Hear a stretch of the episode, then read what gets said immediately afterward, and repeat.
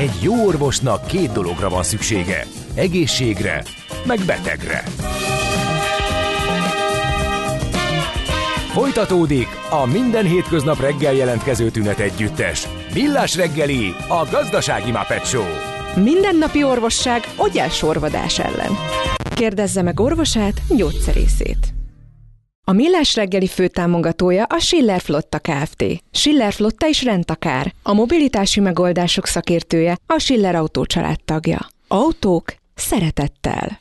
Jó reggelt kívánunk, drága hallgatóink! Folytatjuk a Millás reggeli műsorát itt a 98.0 frekvencián, ami a rádió kafét jelenti. Mindig meglepődöm, és mindig sikerül valahogy kikeverednem ebből. A két műsorvezető ma reggel úgy áll fel, hogy velem szemben áll, szószoros értelmében Kántor Endre, aki szilárdan vallja azt, hogy az ülés az új cigaretta.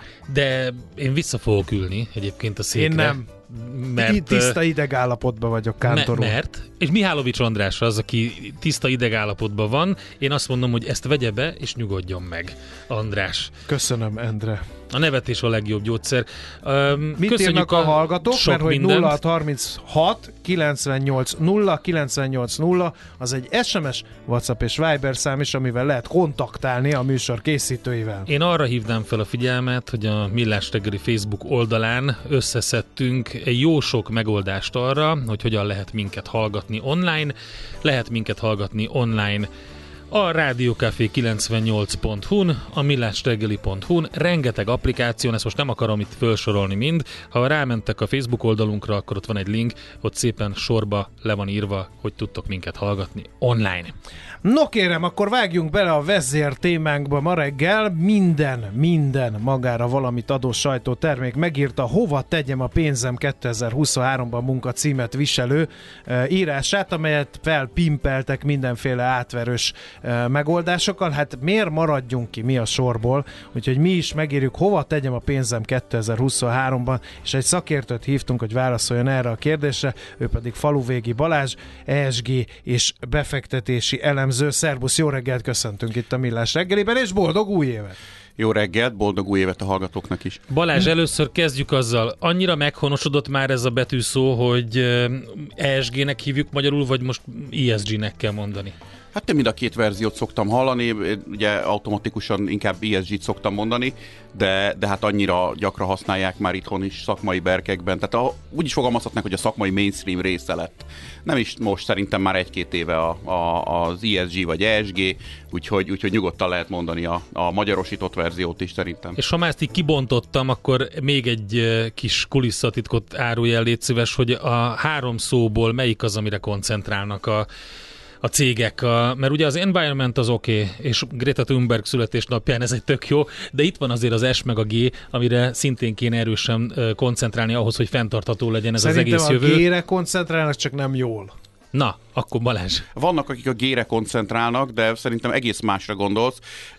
De valóban, de a, a, az, az egyébként igaz, hogy a, az esg belül a, a governance, tehát a felelős vállalatirányításnak van a legerősebb pénzügyi hatása. Tehát, hogyha a governance rendben van, akkor az, az hat leginkább utána a, nem tudom, a saját tőke arányos eredményre, általában a marzsokra, a profitokra, meg a részvényárfolyamra is ezeken keresztül, de mindegy, mind a háromnak van azért komoly hatása. Nyilván a legnépszerűbb az meg, ahogy említetted is ugye az environment, hiszen, hiszen ott vannak a legégetőbb, meg leglátványosabb hát meg az könyv, igen, leglátványosabb, így van. De hát a többivel is kell foglalkozni. Jó, na akkor a fő téma. Vágjunk is bele, hova tegyem a pénzem 2023-ba, ha én hozzád fordulok és felteszem ezt a kérdést, akkor mit szólsz hozzá? Igen, itt nagyon-nagyon óvatosnak kell lenni a, a kérdés feltevéssel, De hogy pontosan, pontosan hogyan fogjuk, hogyan fogjuk föltenni hát ezt a kérdést. kérdés Balázs, én nem tudok feltenni. Igen, és a, a, Maximum az, hogy mikor lesz 12 ezer az OTP, de annak a, meg nem a le, legegyszerűbb március 24, vagy nem tudom, tehát igen, körülbelül igen. ezt lehetne mondani erre, ez nyilván vicc, de hogy ö, ö, még a legegyszerűbb kérdésekre is lehet ö, veszélyes válaszokat adni. Ö, inkább én úgy fogalmaznám, hogy 2023-tól mi befektessük a pénzünket, ö, mert hogyha most az, hogy na 2023-ban mi lesz a legjobb, azt azért nagyon-nagyon nehéz megmondani, hiszen uh, ahhoz már túl hosszú időtáv, hogy, hogy momentum alapon uh, értékeljük a dolgot, vagy technikai elemzés alapon feltétlenül. Danu.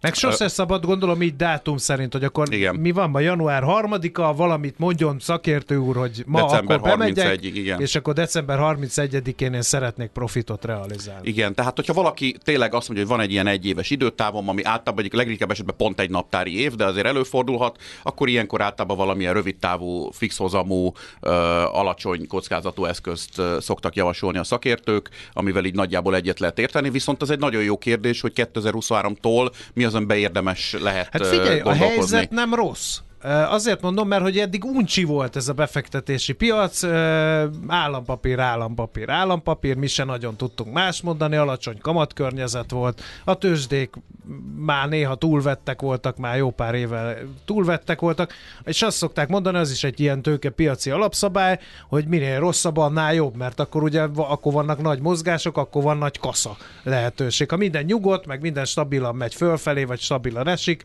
akkor az úgy, az úgy annyira nem. Hát hát ez abszolút így van. Tehát most uh, value alapon, tehát érték alapon nagyon jó lehetőségek vannak a piacon. Egyébként meg növekedési alapon is még lehetnek nagyon jó lehetőségek a piacon, úgyhogy ezzel tökéletesen egyetértek. Uh, ugyanakkor azért azt gondolom, hogy, hogy egy nagyon hosszú pénzbőség kora lá, járt le. Valószínűleg itt, itt is uh, ezerszer nem valószínűleg tudom is, hogy sokszor beszéltetek ti is uh, vendégekkel erről. Uh, nem valószínű az, hogy tehát olyan, olyan szintű monetáris könnyítés volt ugye 2020-ig, akkor utána bejött a Covid, és akkor aztán meg pláne ráöntötték a, a piacra a pénzt. És ez, ez, ez egy ilyen hatalmas nagy ilyen, ilyen szteroid volt a piacoknak Igen, tulajdonképpen. igen, és a növekedést ezt meg is lehet magyarázni, nyilván kicsit részletesebben és bővebben bele lehetne menni elemezni, de hogy ez a pénzmennyiség, ez nem tűnik el azért, tehát ez ott marad, és hogyha jól gondolom, akkor nem vészel, csak átalakul, tehát azért, azért aki keres, az talál a piacon még mindig. Ha csak olyan, olyanokat nézünk, mint a, a, a, Twitter Tesla sztori, ugye, ahol irgalmatlan vagyonok ö, mozognak ki be napon belül. Hát igen, igen, tehát nagyon sok egyedi érdekes lehetőség lesz, meg nagyon sok ágazati szektor. Azért azt gondolom, hogy a sokkal valószínűbb, hogyha nincs akkora pénzbőség, tehát ugyan, ugyan, ugyan rengeteg pénz maradt a piacon még így is, vagy van jelenleg is, de azért ahhoz, hogy tényleg nagyon keményen fölfelé hajtsa, az önteni kellene a piacokra a pénzt, ami most a következő hát legalább azt mondom, hogy negyed években, de valószínűleg években ez nem fog tudni így megvalósulni. Tehát sokkal visszafogottabb emelkedésre kell számítani, ha, ha lesz is emelkedés. A legvalószínűbb forgatókönyv az az, hogy az ilyen 70-es évekre jellemző, most a részvénypiacokról beszélünk, ilyen ö, fellepattogás van, amiből olyan igazán nagyon nagy trendek, hosszú távú, több éves trendek nem annyira jönnek ki, de hát ebben is voltak óriási lehetőségek. Hát a 70-es évek voltak, volt az időszak, amikor a, a, a ö, és félek kimondani még magát a nevet is, a soros féle Quantum Fund igazából el tudott indulni, pedig akkoriban nem is volt annyira nagy lehetőség, de hát ők nagyon sokat sortoltak is egyébként.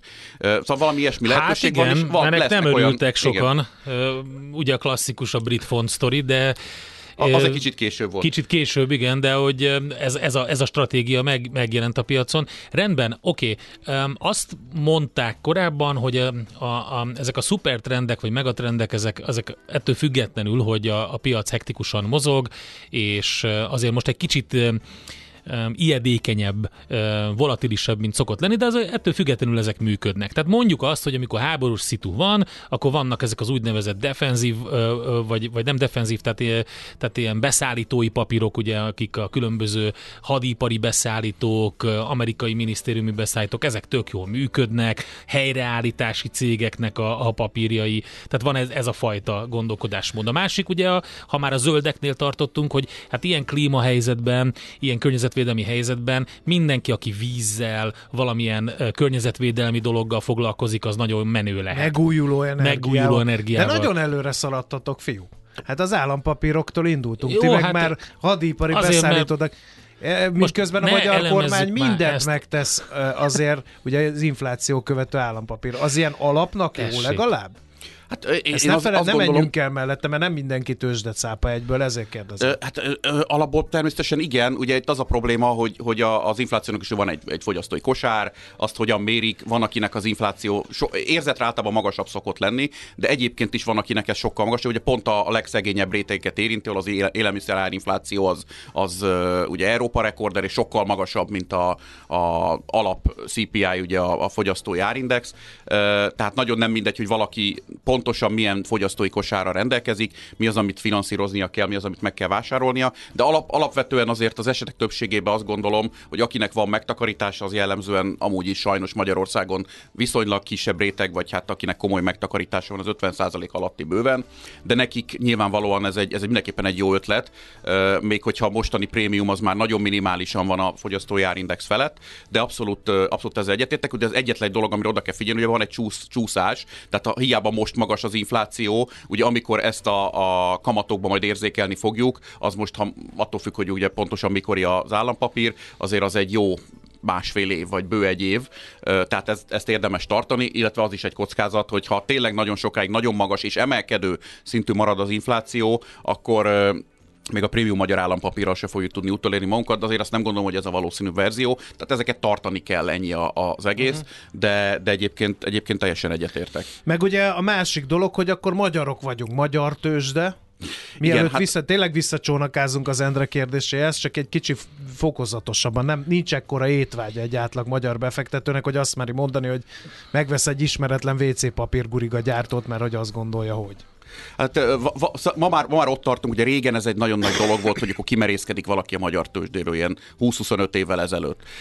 Ma, ma, már, ma már főleg a fiatalabb generációknál, főleg ha van egy ismert brand, akkor ez, ez nekik nem jelent ilyen mentális gátat hát egyáltalán. Kezdte egy matáv arbitrázsal, ugye? Azzal lehetett annak idején arbitrálni a két árfolyam különbség miatt, de hát ugye az nagyon régen volt.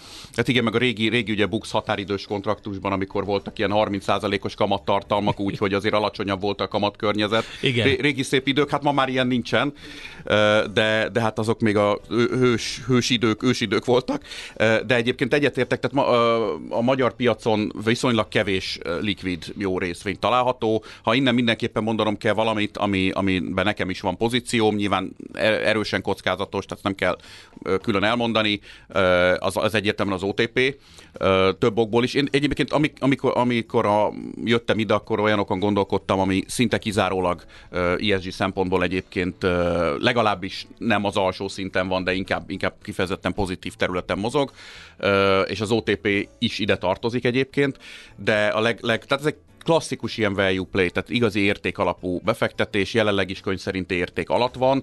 Egyébként ez nem olyan nagyon ritka, hogyha megnézzük a magyar, vagy nem az európai bankszektornak a, az árazását. Tehát vannak részvények, nem is tudom, BBVA, vagy olyanok, akiknek akár komolyabb problémái is voltak az elmúlt években, Deutsche Bank, hogy bőven a könyv szerinti érték alatt vannak de azért a magyar piac meg a régiós piac az más, mert egyrészt még mindig gyorsabban növekszik a pénzügyi szektor, másrészt sokkal magasabb a saját tőkearányos nyereség. Úgy is fogalmazhatnánk, hogy, hogy sajnos, vagy nem tudom, de legalábbis sokkal többet ki tud sajtolni a, a magyar ö, vásárlókból, vagy fogyasztók, vagy ügyfelekből a hazai bankszektor ö, arányosan Európához képest, ö, és ezeket mind figyelembe kell venni. Ilyen, ilyen esetben pedig szerintem ez az árazás, ez, ez kifejezetten alacsony, erősen tartalmazza azokat a kockázatokat, ugye, hogy az OTP-nek azért van érdekeltsége Oroszországban és Ukrajnában, de, de szerintem bőven túl, túltolták. Ez látszott is, tehát a 8000-rel azért végig is visszajöttünk 10 fölé, most technikailag eléggé leállt a dolog, nincsenek benne akkumulációk, az intézményi vásárlások úgy most azt hogy megszűntek, de erősen lecsökkentek, de hát ez egy jó, pozitív tőkepiaci hangulatban bármikor újra elindul. Még akkor is ezt mondod az OTP-re, hogyha benne van a pakliban időnként ilyen kormányzati váratlan megbicsaklás, hogy akkor bankadó emelés, nincs pénz a kasszába, töltsük fel, hol hát van pénz vagy, a bankokba, vagy kamatstop, vagy, kamatstop, vagy, ilyen, vagy igen. hitelesek megmentése, tehát hogy azért a magyar bankszektor eléggé ki van téve a úgynevezett politikai hatásnak. Igen, igen, igen. Nem véletlen fogalmaztunk, hogy régiós, bár valószínűleg többször mondtam azt Aha. is, hogy magyar, de, de ugye az OTP-nél azért ez a kockázat az éresen benne van, mint hogy az egész magyar piac, ugye leg, legutoljára ugye a gyógyszergyártókat, ugye a, a Richtert sikerült ezzel egy picit hát nem azt mondom, hogy váratlanul, de minden esetre eléggé hirtelen megfogni. Tehát ez bármikor benne van a pakliba, ennek a kockázata is szerintem bőven be van mhm. árazva. Természetesen előfordulhatnak ilyenek, de miután régiós, össz, régióban is erősen jelenlévő cégcsoportról beszélünk, ennek a hatása azért korlátozott. Szerintem zenéjünk egyet, és akkor megnézzük ezeket a megatrendeket, hogy mennyire jellemzőek még a piacon, illetve hogy mekkora bátorsággal lehet ezekbe belekezdeni. Rádió Café 98. Újra van barátod. Mondja meg a kapitánynak szálljon le sürgősen. A beteget kórházba kell vinni. Kórházba? Miért mi az? Egy ház betegeknek, de ez most mellékes. Millás reggeli. Folytatjuk tehát a beszélgetésünket azzal kapcsolatban, hogy a pénzünkkel mit kezdjünk 2023-ban, és itt van velünk még mindig a stúdióban Faluvégi Balázs, ESG és befektetés elemző szakértő. A kérdés az volt ugye, hogy az államkötvény és mondjuk azt, hogy betéti kamatok mellett mi az, amivel a nemzetközi vizekre merjünk hát evezni. Vannak-e ilyen megatrendek most, vagy lesznek-e 2023-ban, amiket azért érdemes szemmel tartani? Hát abszolút. A, nagyon sok minden, ami a klímaváltozás elleni küzdelemből fakad, az, az alapvető. Hát most tényleg nem kell másolni. Én úgy jöttem most be a stúdióba reggel uh, 8 előtt uh, pár, vagy 8 körül értem ide, és úgy, úgy sétáltam ide, uh, viszonylag messze parkoltam, hogy, hogy egy kis jackibe, és ugye ki le volt húzva még a, még a cipzár is. Egyébként meg azért tudok most itt lenni, mert nem mentünk el síelni, meg szánkozni a, az Alpokba, mert ahol, ahol uh, lettünk volna, ott tegnap 12 fok volt napközben. Tehát uh, most már érezzük egyértelműen a hatásait, ugye tavaly nyáron a a vízhiány, tehát érezhetőek egyértelműen tényleg ezek a hatások, nem, nem, nem kell ezt már külön elmondani, most már mindenki tudja, vagy szint, tényleg szinte mindenki tudja, hogy nagyon komoly dolgokra van szükség, és, és kormányzati lépések is elkezdenek ebben az irányban elindulni. Sok a látszat intézkedés, de azért sok a valós intézkedés is, és minden, ami ebből fakad, az szerintem egy óriási lehetőség most. Kényszer is, meg lehetőség is. Például az egyik ilyen az az, az elektromos autóknak a trendje, hogyha megnézzük egyébként a részvényárfolyamokat, hogy hatalmas zuhanás volt, elképesztő túlértékeltség, hát a leglátványosabb példa nyilván a Tesla. És itt is azt mondanám, hogy érdemes egy picit válogatni, és olyan irányban elmenni. Én egyelőre inkább a figyelés álláspontján vagyok. Itt most két dolgot fogok mondani, de olyan irányba elmenni, ahol látjuk azt, hogy van valami hozzáadott érték, és a hozzáadott érték az egyértelműen a töltőhálózat. Tehát két probléma van az elektromos autókkal, most már technikailag hatótába, stb. ez nagyon-nagyon el tudnak menni jó irányba. Az egyik az, hogy drágák, tehát a legtöbb ember számára még mindig nem elérhetőek, a másik pedig az, hogy lehessen normálisan hosszú utakon is tölteni, vagy akár nem hosszú utakon. És a töltőhálózattal a mai napig komoly problémák vannak, és van két olyan vállalat, amelyik azt mondja, hogy na én magamtól oldom meg ezt a töltőhálózat problémát, és ez viszonylag jól működik. Az egyik ugye egyértelműen a Tesla, ahol a Supercharger hálózat az, az borzasztó egyszerű használható. Tényleg az ember odaáll, magam is tapasztalom, odaáll, benyomja, és azonnal működik. Tehát semmi probléma nincsen, más töltőhálózatokon appokon regisztrálni kell, vagy működik, vagy nem működik, elindul, megfelelő sebességű, Hát ja, mondhatni stb. még tanulják ezt, de nyilván ugye sajnos a Tesla-val kapcsolatban nem elég megnézni a terveket, a stratégiát, meg az eddig elérteket, hanem ugye ott van egy, egy, egy hogy is mondjam, hogy mondják ezt a milyen állandó? Elon Ez a kiszámíthatatlansági hatás. állandó az Elon Musk. Ugye beszéltünk ugye az OTP kapcsán a politikai hatásról, ott, ott meg azért eléggé leküzdötte magát Szent Elon. Igen, igen, az igen, elmúlt igen. évben, tehát ott se már nem az a váltesz, mint akinek korábban kezelték. Igen, hát én úgy gondolom, hogy az, amit itt a Twitteren művelt, az, az hát finoman szóval is lerombolta, vagy elkezdte lerombolni az ő renoméját. E, már, már előtte, amikor, amikor a felvásárlása kapcsolatos ilyen kötélhúzás volt, már ott lehet, hogy egy ilyen kisebb büntető jogi vizsgálatot megért volna az, amit művelt, Igen. amikre hivatkozva próbált visszakozni, aztán utána mégis, amit meg utána csinált, az az elefánt a porcelánboltban klasszikus esete. Nagyon érdekes, hogy egy ilyen ember hogy tudott, nyilván nem egyedül, ma van ez a személyi kultusz, és nem szeretem, amikor személyi kultuszra fölépül egy befektetés, vagy, vagy általában ez, ez elindul, az nem egy túl, nagy, túl szerencsés dolog, de ö, rengeteg mérnök van a Tesla-nál, akik, akik ezt a klasszikus szilíciumvölgyi ö, szoftverfejlesztési UX tapasztalatok ö, dolgot ezt így végig tudták vinni, és teljesen más egy ilyen autónak a, a, a felépítése, főleg szoftver oldalról, mint a klasszikus autók, és ez nagyon-nagyon bejött, amellett, hogy az elektromos irányban is ugye nagyon szexivé tudta tenni ezt az egészet. Nagyon érdekes, hogy hogy, hogy volt képes elvezetni egy, egy céget alapvetően azért elég jól, ö, persze csomó, csomó mindent ígért, ami aztán nem valósult meg, vagy jóval később valósult Igen. meg, de alapvetően mégis sikeresnek mondhatjuk, ez, ez szerintem ez nem is kérdés. Persze, nyilvánvaló, és nagyon sok, ugye nagyon erős és nagyon sok a kritika ezzel kapcsolatban, hiszen egy olyan új dologról van szó, és olyan forradalmi változásokat hozott az autóiparba, amikre ugye persze nyilván a, a reakció is erőteljes. Tehát most a legutóbbi ugye, hogy lefagyott az autó, és nem tudtak a új lenyomattal beszállni a, a, a, a userek, hát ugye ez volt, e, ebből lett egy óriási botrány az Egyesült Államokban, de hát ez ez egy ilyen helyzet. E, új lenyomat, erről nem hallottam. Nem új, hát igen, nem tudtak beszállni az autóba, nem érzékelte őket. Vagy... A, lehet, hogy az, hogy beszokott fagyni a kilincs, ez, ez egy Aha. klasszikus ilyen Tesla hiba. A legutóbbi szoftver frissítésnél hogy... van egy olyan, hogy kitolja az autót. Tehát a ja, mobilon igen, így rátapizol, ha van egy ilyen, és kitolja az autót. Tehát ez, ez vannak erre, ez, ez is egy, ez egy nagyon érdekes dolog, hogy folyamatosan megújul az autót, és akkor szoftveresen csinálnak valamit, amire hardveresen egyébként már képes az autó, és, és onnantól fogva megvan oldva a probléma egy, egy, egy frissítés által. Minden esetre jók lettek a számok, de nem olyan jók, mint Igen. amit a piac várt, úgyhogy majd most meglátjuk a reakciót, amikor rendes kereskedés lesz az USA-ban. Figyelj, Abszolút. amit így um, meg kell, hogy kérdezzek, mert nagyon sok helyen olvasom. Kötvények. Abba te látsz fantáziát? Mert sokan azt mondják, hogy a kötvények éve lesz 2023. Te hogy látod ezt a kérdést? Én, én azt látom, hogy a, a vállati kötvényeknek volt, most ha, főleg a Magyarországra koncentrálunk, volt egy, egy nagy búmja még itt, hát nem is tudom, olyan 5-6 évvel ezelőttig. Na, nagyjából, sőt, akkor már inkább azt mondom, hogy 7-8 évvel ezelőttig, amíg, amikor ugye a, a Questor botrány volt, és akkor onnantól fogva ez a dolog ez eléggé elkezdett visszaesni, és nagyon, nagyon sok ügyfél volt, aki, aki kicsit visszajött, vagy akár teljesen visszajött a vállalati kötvényekből, ugye a hozam környezet se volt igazán, a, nyilván ez a vállalat vállalatoknak jó volt, de, a, de az ügyfelek azt látták, hogy sokkal több pénzt lehet keresni részvényekben, például, vagy akár nem is tudom, akkor volt, akkor kriptok is elindultak a, az árupiacokon egy idő után. Most valószínűleg ez valamennyire vissza fog jönni, hiszen azért itt elég magas hozamokat el lehet érni, de azért azt gondolom, hogy nagyon, nagyon sokat is kell ígérni, és ez meg megint kibocsátói oldalról nehezíti meg majd a kérdést.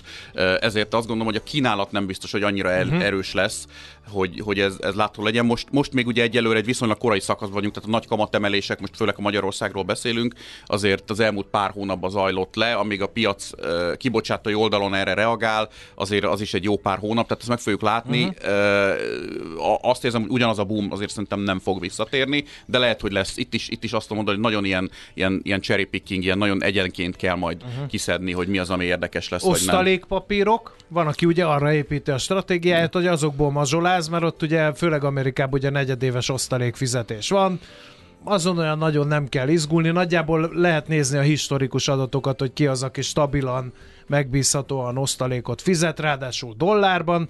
Az jó, hogy kérdezted, mert rögtön jött ilyen kérdés a hallgatóktól, hogy forint alapú hozamot érdemes csinálni, amikor ilyen erős az infláció, hogy nem eszi meg az infláció hozamot, de sok esetben de, és hát ugye pont erre építenek azok, akik nem forint alapú hozamot akarnak. Igen, de ugye ez, ez egy arra való spekuláció, hogy a forint az legalábbis nem fog visszaerősödni, vagy tovább fog gyengülni. Még inkább az, hogy tovább fog gyengülni.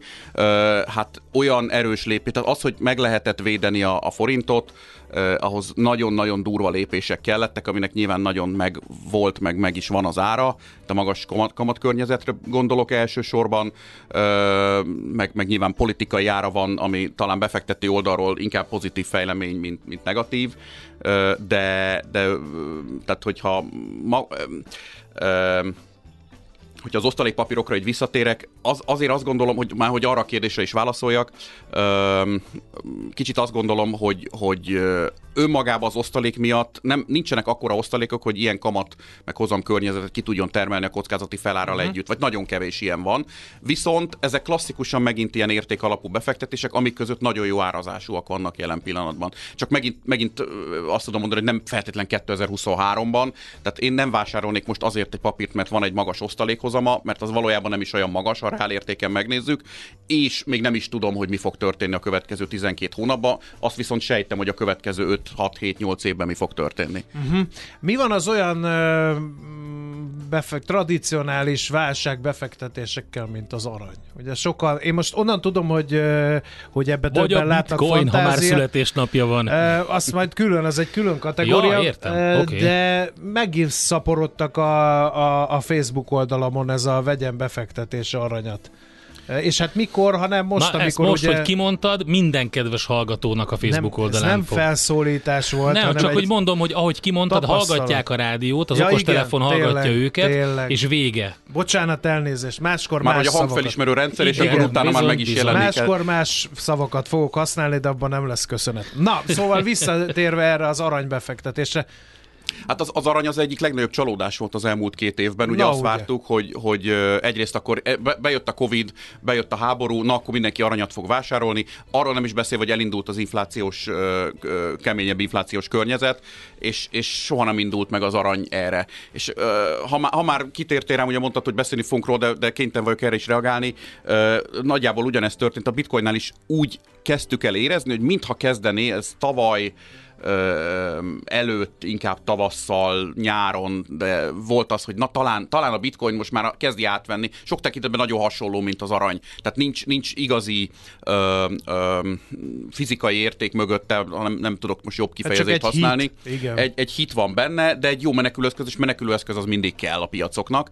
De se az arany, se a bitcoin nem tudta betölteni. A bitcoin meg aztán pláne nem tudta betölteni ezt a szerepet. Úgyhogy nagyon érdekes, nehéz erre a kérdésre válaszolni, de én most inkább azt mondom, hogy ha eddig nem tudta betölteni, és volt rá jó bőven, bőven oka, akkor én nem gondolom, hogy mostantól majd be fogja tudni tölteni. Egyelőre én ezt, ezt, ezt egyáltalán nem látom ezt a folyamatot. de te meted is, jön a kriptotél?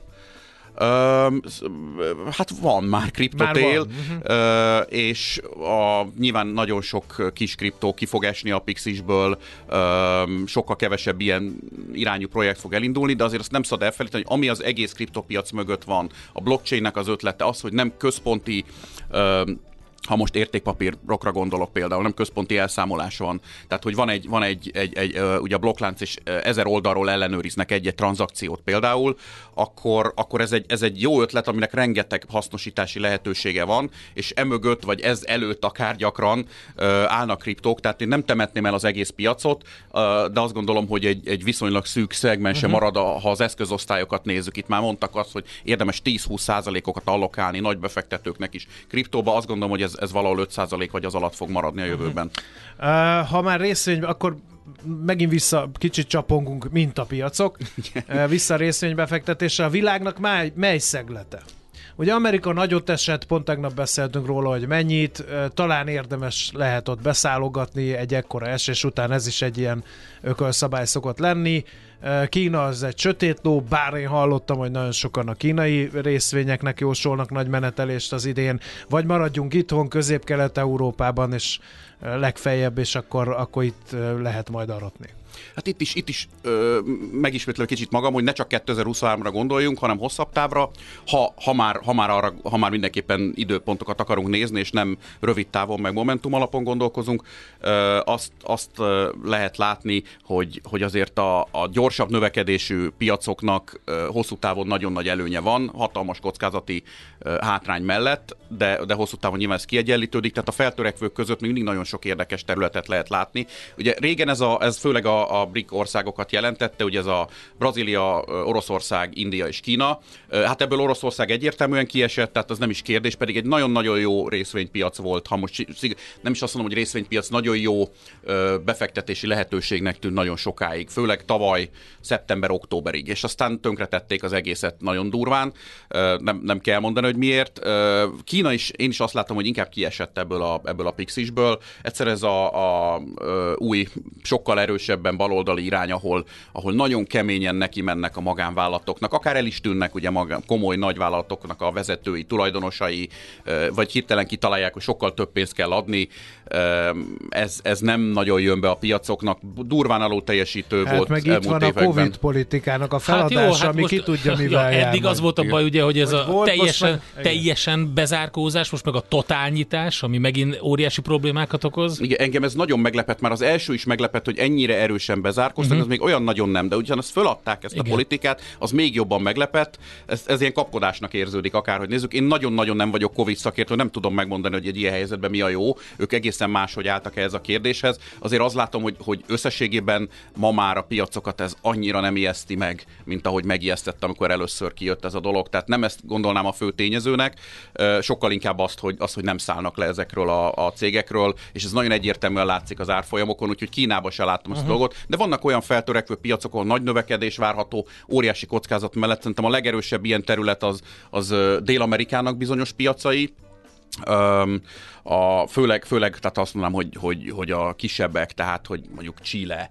vagy Peru, tehát hogy ilyen példákat mondjak, vagy Latin Amerika általában is, tehát talán, talán még Mexikó is, vagy, vagy ami már tényleg nagyon exotikusnak tűnik, az pedig, az pedig Afrika, ami egyértelműen hosszú távon torony magasan a legmagasabb növekedést uh-huh. fogja hozni, de hát itt, itt azért itt, itt nem egyedi részvevő válogatunk, tehát akkor lehet egy ETF-ben gondolkodni, ugye vannak erre ETF-ek az amerikai piacon, már nem minden magyar befektető tudja ezt megvenni, de, de hogy itt azért tényleg diversifikálni kell, ezek nagyon-nagyon nagyon nehéz ko- meg, meg kockázatos, ugye természetesen Igen. ilyen hozamok mellett. Hát izgalmas, és nyilván tegyük hozzá, hogy többen megemlítették, a, ugye, hogyha már a, a modern autógyártót idehoztuk a Teslát, akkor itt a Volkswagen-t is sokan emlegetik, hogy teljesen érték alatt van a, a, a, a, a Volkswagen. A Fel is hívták óta, a figyelmünket, ugye még 2022 utolsó perceiben a befektetési szakértők is, úgyhogy oda lehet rakni mondjuk párosnak mellé, de hát ugye ezek az egyedi sztorik, amik, amik szintén komoly diversifikációt mellett érdemesek ilyenbe beszállni.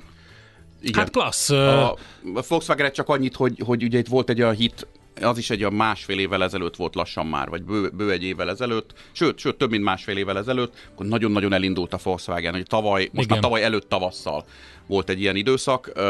Ugye elkezdték azt elhinni, hogy az ID sorozat az elektromos autókkal teljesen át fogja alakítani a céget. Annyira nem nagy a siker azért, de még mindig a Volkswagen viszonylag előjár.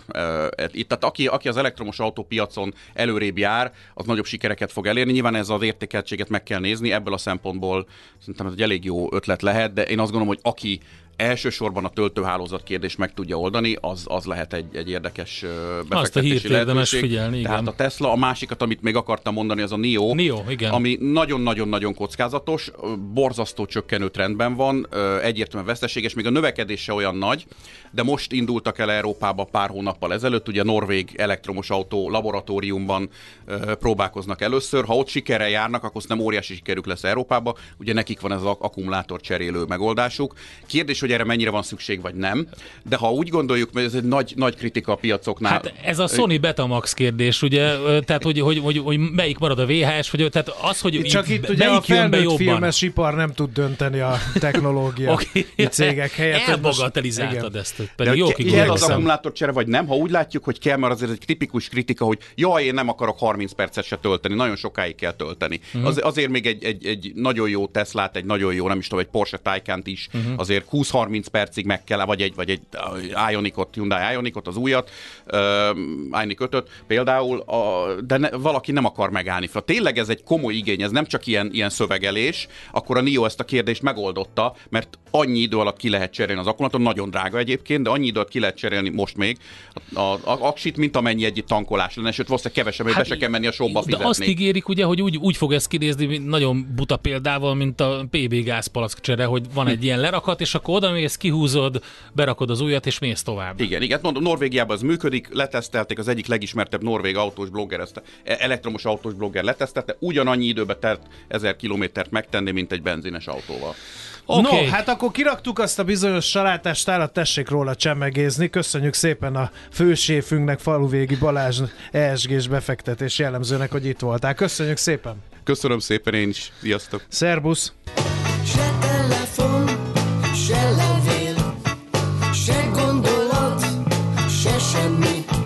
Ha mégis, üzenj nekünk! A Rádiókafé SMS száma 30 6 980 980.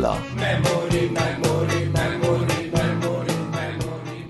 Greta Thunberg, svéd környezetvédő aktivista 20 éves ma, és ebből az alkalomból tőle választottunk egy aranyköpést, amikor a gyűlölködők a kinézetedre és a másságodra mennek rá, az azt jelenti, hogy nem tudnak másba belekötni és akkor tudod, hogy győztél. Hát sok sikert a továbbiakban is Greta Thunbergnek, eddig nagyon-nagyon figyelemre véltó, amit elért 20 éves koráig. No, hát akkor egy gyors témaváltás.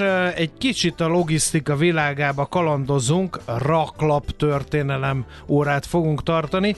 Mindjárt megértitek, nem kell kapkodni, mert levertek valamit. Nagy Miklós a csomagolás és anyagmozgatási országos szövetség főtitkára van a vonal túlsó végén. Jó reggelt kívánunk!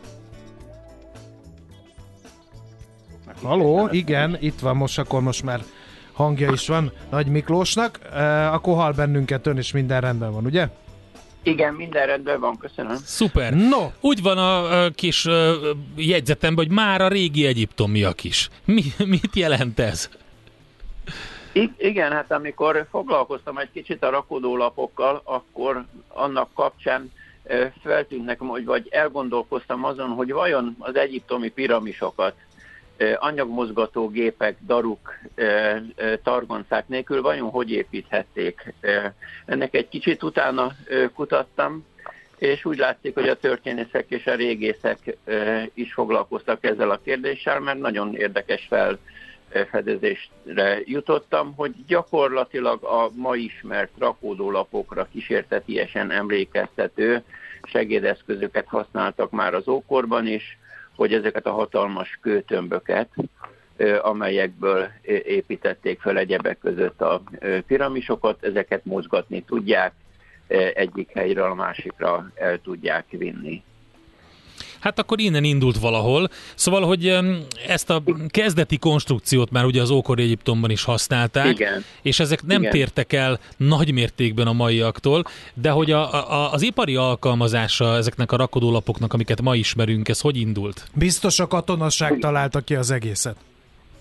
Igen, igen ez, ez volt a másik, aminek utána akartam nézni, mert az a ismeretanyag terjedt a világban, hogy a második világháborúban, második világháború során az amerikai katonaság vezette be ezt a rendszert, és így került később a polgári életbe át ez a rakodólap, ami egyébként sok más technikai vagy műszaki dologra is jellemző. Hát a kutatásaim azt mondták, hogy kivételesen itt pont fordítva volt, elsősorban az Egyesült Államokban már a 20. század elején az iparban elkezdték használni a rakodólapokat, kezdtek hozzáfejleszteni anyagmozgató gépeket. Erről nem vett sokáig tudomást a hadipar, volt elég katona, békeidő volt sokáig, meg tudták oldani a mozgatást. Azonban akkor, amikor a második világháború során rövid idő alatt nagy mennyiségeket kellett mozgatni, hajóra rakni, akkor ismerték fel ennek a rendszernek a lehetőségét, akkor vette át a hadipar, és onnantól kezdve megállíthatatlan a jelentősége és a terjedése szerte a világban. Korábban beszéltünk erről, hogy, hogy raklap hamisítás. Ez mit jelent? Igen. Hiszen az így ránézésre raklap és raklap között olyan ordító különbségek nincsenek. Ö, igen, ö, itt kétféle rakódólapról kell általában beszéljünk. Vannak az úgynevezett egyszer használatos, vagy más szóval egyutas rakódólapok, illetve vannak a szabványosított, szabványos rakodólapok. Ez utóbbiak márkajelzéseket is viselnek. Ezek nagyon szigorú technikai, technológiai előírások mellett készülnek, meghatározott anyagvastagság, anyag, faanyag fajta mellett készülnek, az is elő van írva, hogy milyen fajta és hány darab szöggel kell előállítani a rakodólapot, és ezek azért, hogy az EUR, az EPAL vagy az UIC jelzéseket használhassák, ezért ez licenszköteles, meg gyártási engedélyköteles, ez egyébként megfelelő minőséget is takar. A felhasználók biztosak lehetnek abban, hogy a műszaki paramétereket, ezek a, ezeket a jelzéseket viselő rakodólapok teljesítik. És hát itt előfordul, hogy ezeket hamisítják, olcsóbb, egyszerűbb, kisebb teherbírású anyagból, lazább technológiával állítják elő, amelyik és utána rásütik ezeket a jelzéseket, azt remélve, hogy jó áron el lehet adni. Ez nagyon-nagyon komoly biztonsági kockázatokat rejt magában. Egy... Gondoljunk bele, hogy igen? Egy, fejezze be a gondolatmenetet, mert én már lassan más vizekre csónakáztam volna. Igen, csak azt akartam folytatni, hogy gondoljunk bele, hogy, hogy a korszerű raktározásban a magas raktárak 6-8-10 vagy annál magasabb raktárak is lehetnek, és azért, hogyha egy nem megfelelő minőségben gyártott rakódolapot mondjuk a 8 vagy 10 méter magas állványba behelyeznek, és ott mondjuk megroppan, eltölik, leborul, micsoda katasztrófát tud okozni, mind áru kárban, mind baleset uh-huh. tekintetében. Egyébként ezeknek a raklapoknak az ára ez folyamatosan emelkedik, mert hogy ugye ahogy nő a kereskedelmi forgalom a világban, akkor én ezt így logikázom ki, hogy akkor gyaníthatóan nő a kereskedelem a raklapok iránt, vagy a kereslet a raklapok iránt is, és ezzel ellentétben, hogyha valami gond van a gazdasággal, akkor ezek iránti kereslet megcsökkent, tehát ezek ilyen indikátorokként is felfoghatóak? Ez egy tökéletes a meglátás, igen. Mi azt mondjuk egyébként, hogy a csomagolás az a gazdaság indikátora, mert eh, ahogy a gazdaságban fej, eh, emelkedés, vagy teljesítmény növekedés, vagy csökkenés eh, mutatkozik, ezt a csomagolás azonnal jelzi. Igen, a rakodólap esetében is ugyanez van.